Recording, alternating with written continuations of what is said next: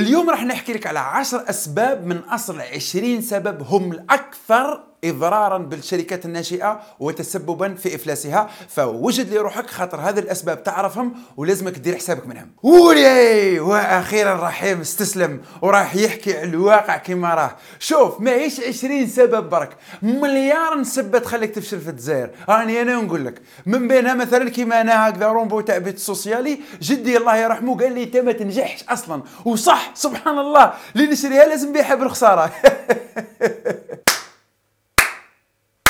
رومبو تاع بيت ال social يو يو يو يا ودي يبقى معنا في الحلقة ذي. خاطر وش راك تحكي؟ ما عنده حتى علاقة بالأسباب الفعلية لفشل الشركات الناشئة. ولازم لك تسمع مليح مليح. خاطر هذه ال mindset اللي راك ماشي بها هي اللي مخلياتك تتحطم وتبيع بالخسارة. اليوم راح تعرف الأسباب الحقيقية اللي لازم دير حسابك منها. أما هذيك تاع جدك قال لك باللي ما فيهاش l'affaire هذاك يسموه الوهم. فجبنا فيها فنجان قهوه ويلا نبدأو.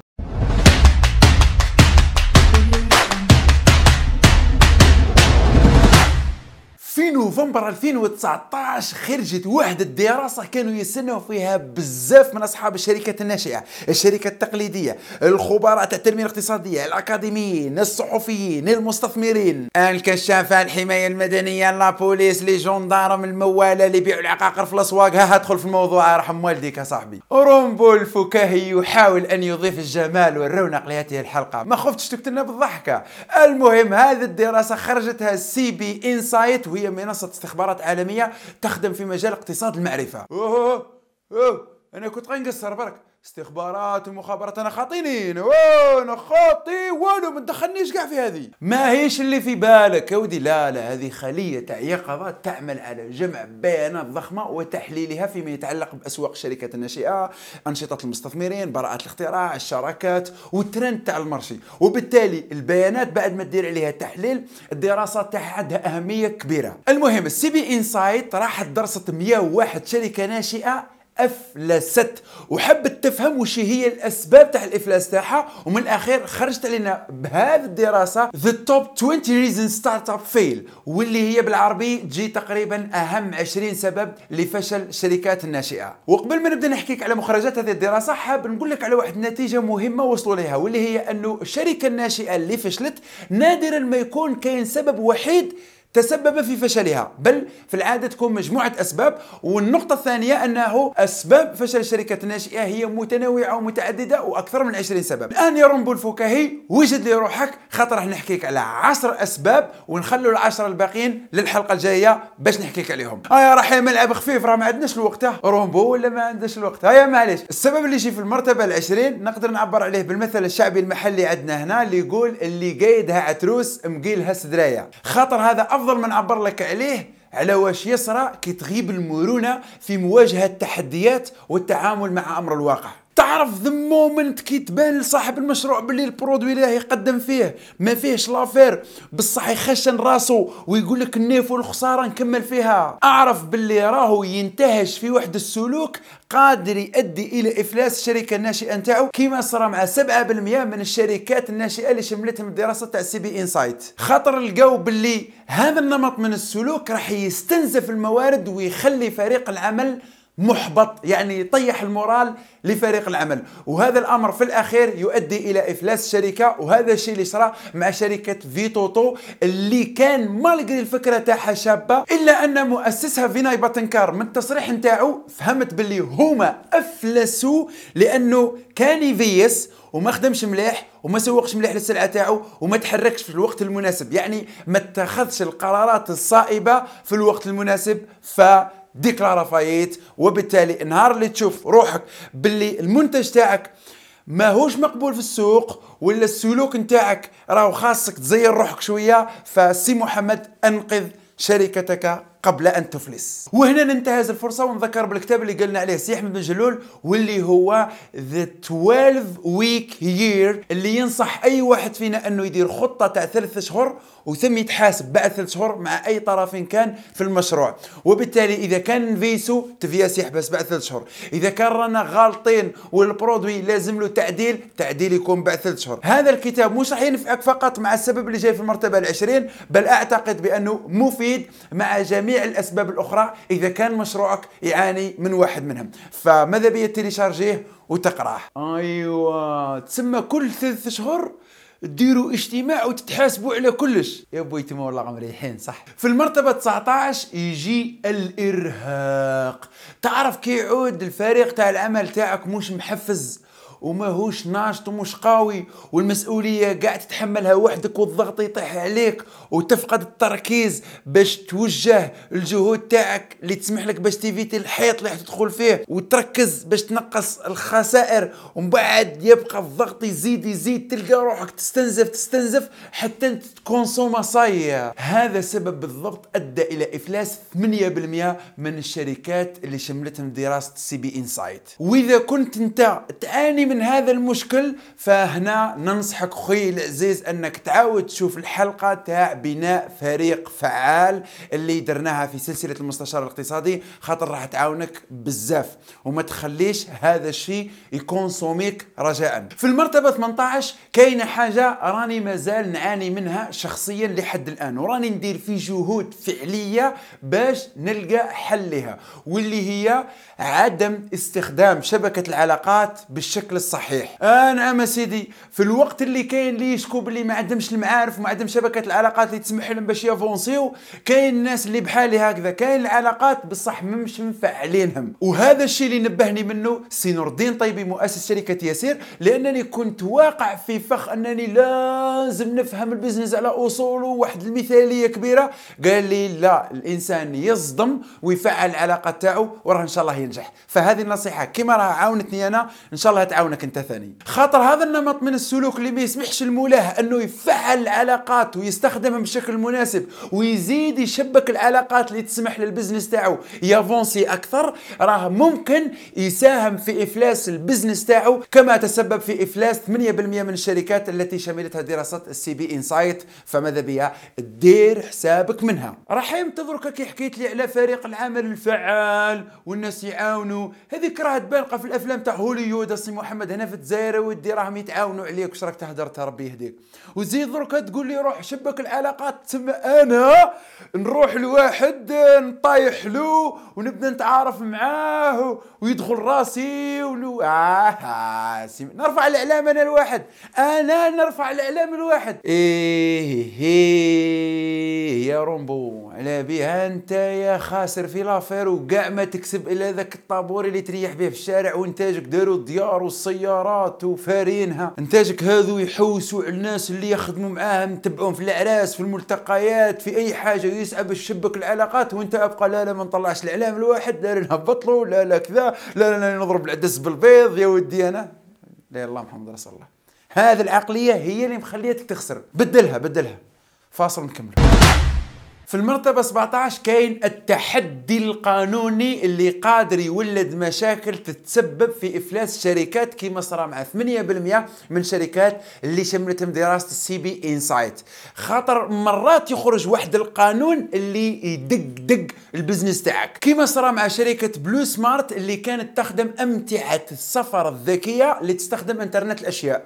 واللي malgré فكرتها شابة وقدرت في 2014 تجمل زوج ملايين و200 ألف دولار من خلال حملة تمويل جماعي عن طريق ال Indiegogo إلا أنها أفلست بسبب أنه معظم شركات الطيران الأمريكية خرجت قانون بعدم السماح لامتعه السفر اللي تستخدم batterie تاع الليثيوم باش تكون على متن الطائرات. وبما انه باترياتها كانوا يخدموا بالليثيوم وما همش قابلين للإزالة فهذا الأمر أدى بهم إلى الدخول في الحائط والإفلاس. وبالتالي ماذا بيا تعوم وتعس القش. حب يقول أنت راك تخدم وراك تشوف في البيئة القانونية وراك حذر إذا ما يخرج منها قانون ياثر لك على ال business تاعك.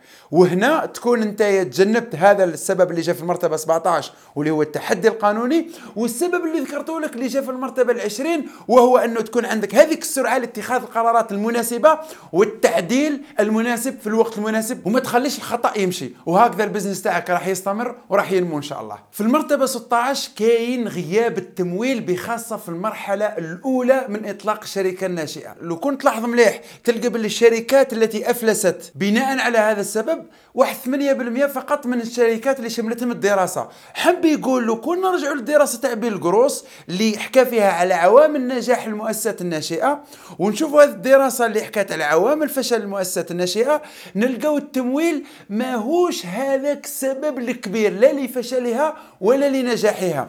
وبالتالي لي كارومبونتا اللي تقول لازم يكون دراهم والدراهم يولدوا الدراهم هذه الرسالة راها ليك انت بالضبط باللي ما همش الدراهم هم السبب لا في فشل المؤسسة ولا في نجاحها. فهمتها ايوا تسمى مصباح ضرب في المعالي وتهدر. شوف سي محمد الصوارد يولد الصوارد هذه قناعة راسخة وهذه كاينة منها رحيم ما عندك ما دير وما عندك ما تقنعني. كي يعود عندك طابوري كيما أنا هذا واش تكسب في الدنيا؟ أروح تهدر. أما لا رومبو إذا كان تراك على الحديدة وعندك طابوري ما شاء الله نعرف ناس ما كان عندهم لا طابوري لا حديدة وقدروا يديروا وضعية لأعمارهم ويعيشوا كراما. بصح بدلوا هنا.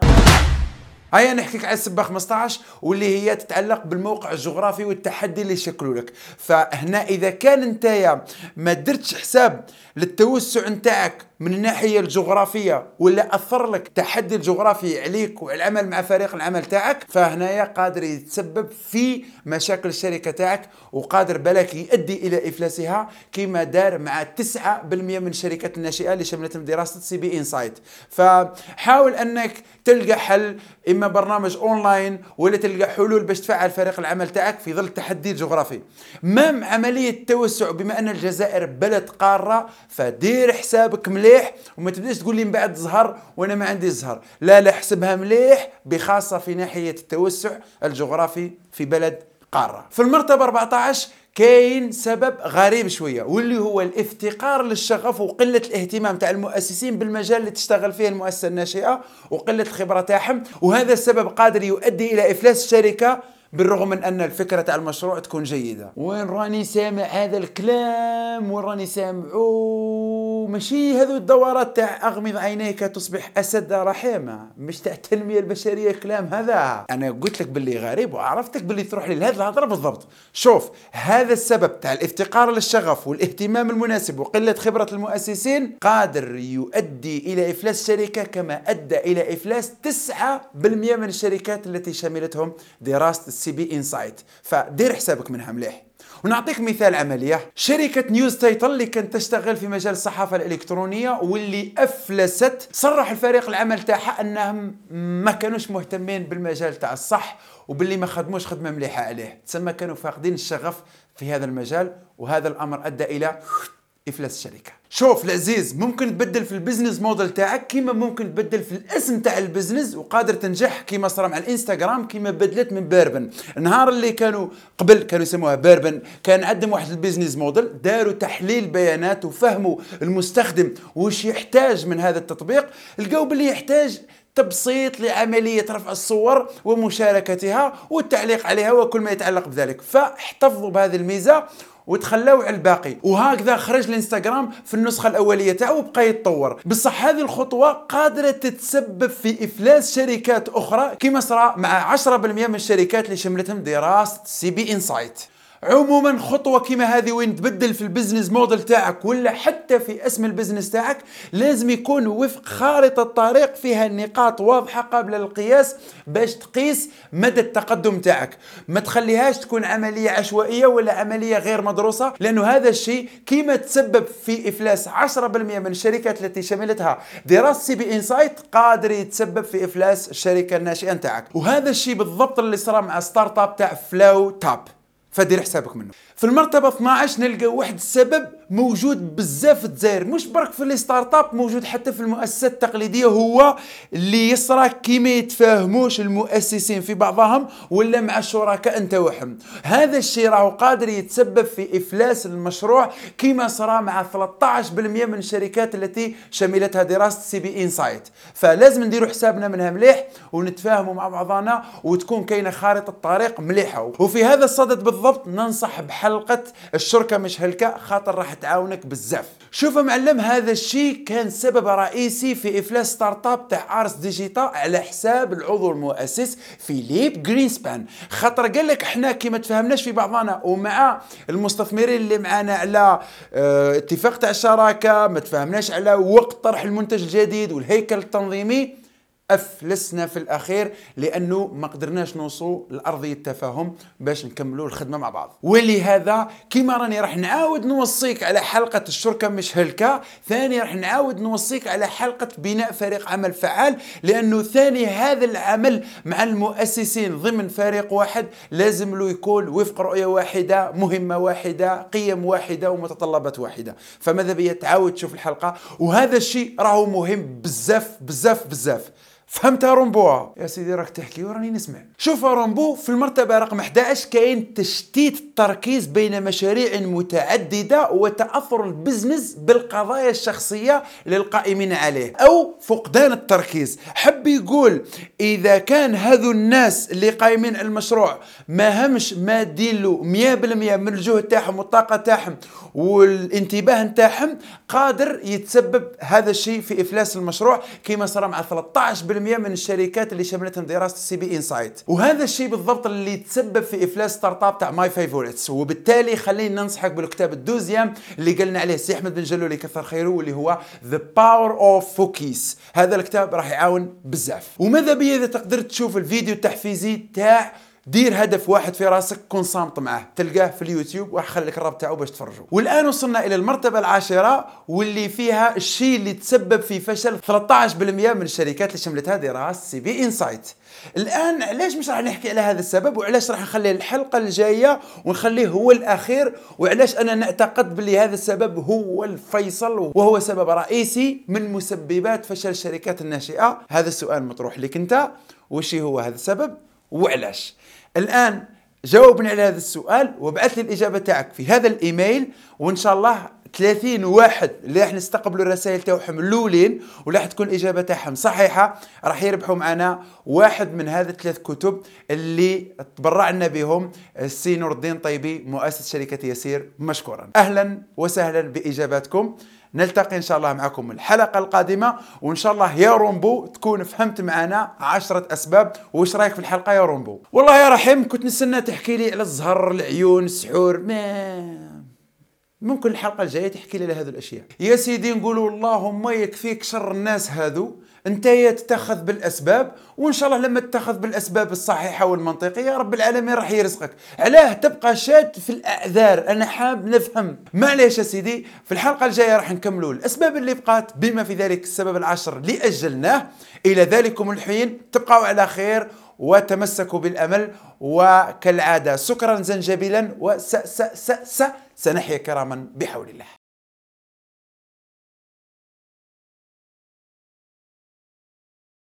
شكرا جزيلا لمشاهدة هذه الحلقة. قبل ما نروح حبيت نحكيك على حاجة مطبقينها على أرض الواقع في فريق العمل تاعنا. ماناش قارينها في كتاب ولا ولكن ماشيين بها وإن شاء الله تعاونك وتنفعك. إحنا ما نركزوش على العقوبات نركزوا على الحوافز وبالتالي عملية التسيير قائمة على الحوافز مش على العقوبات. يعني اللي دار حاجة زينة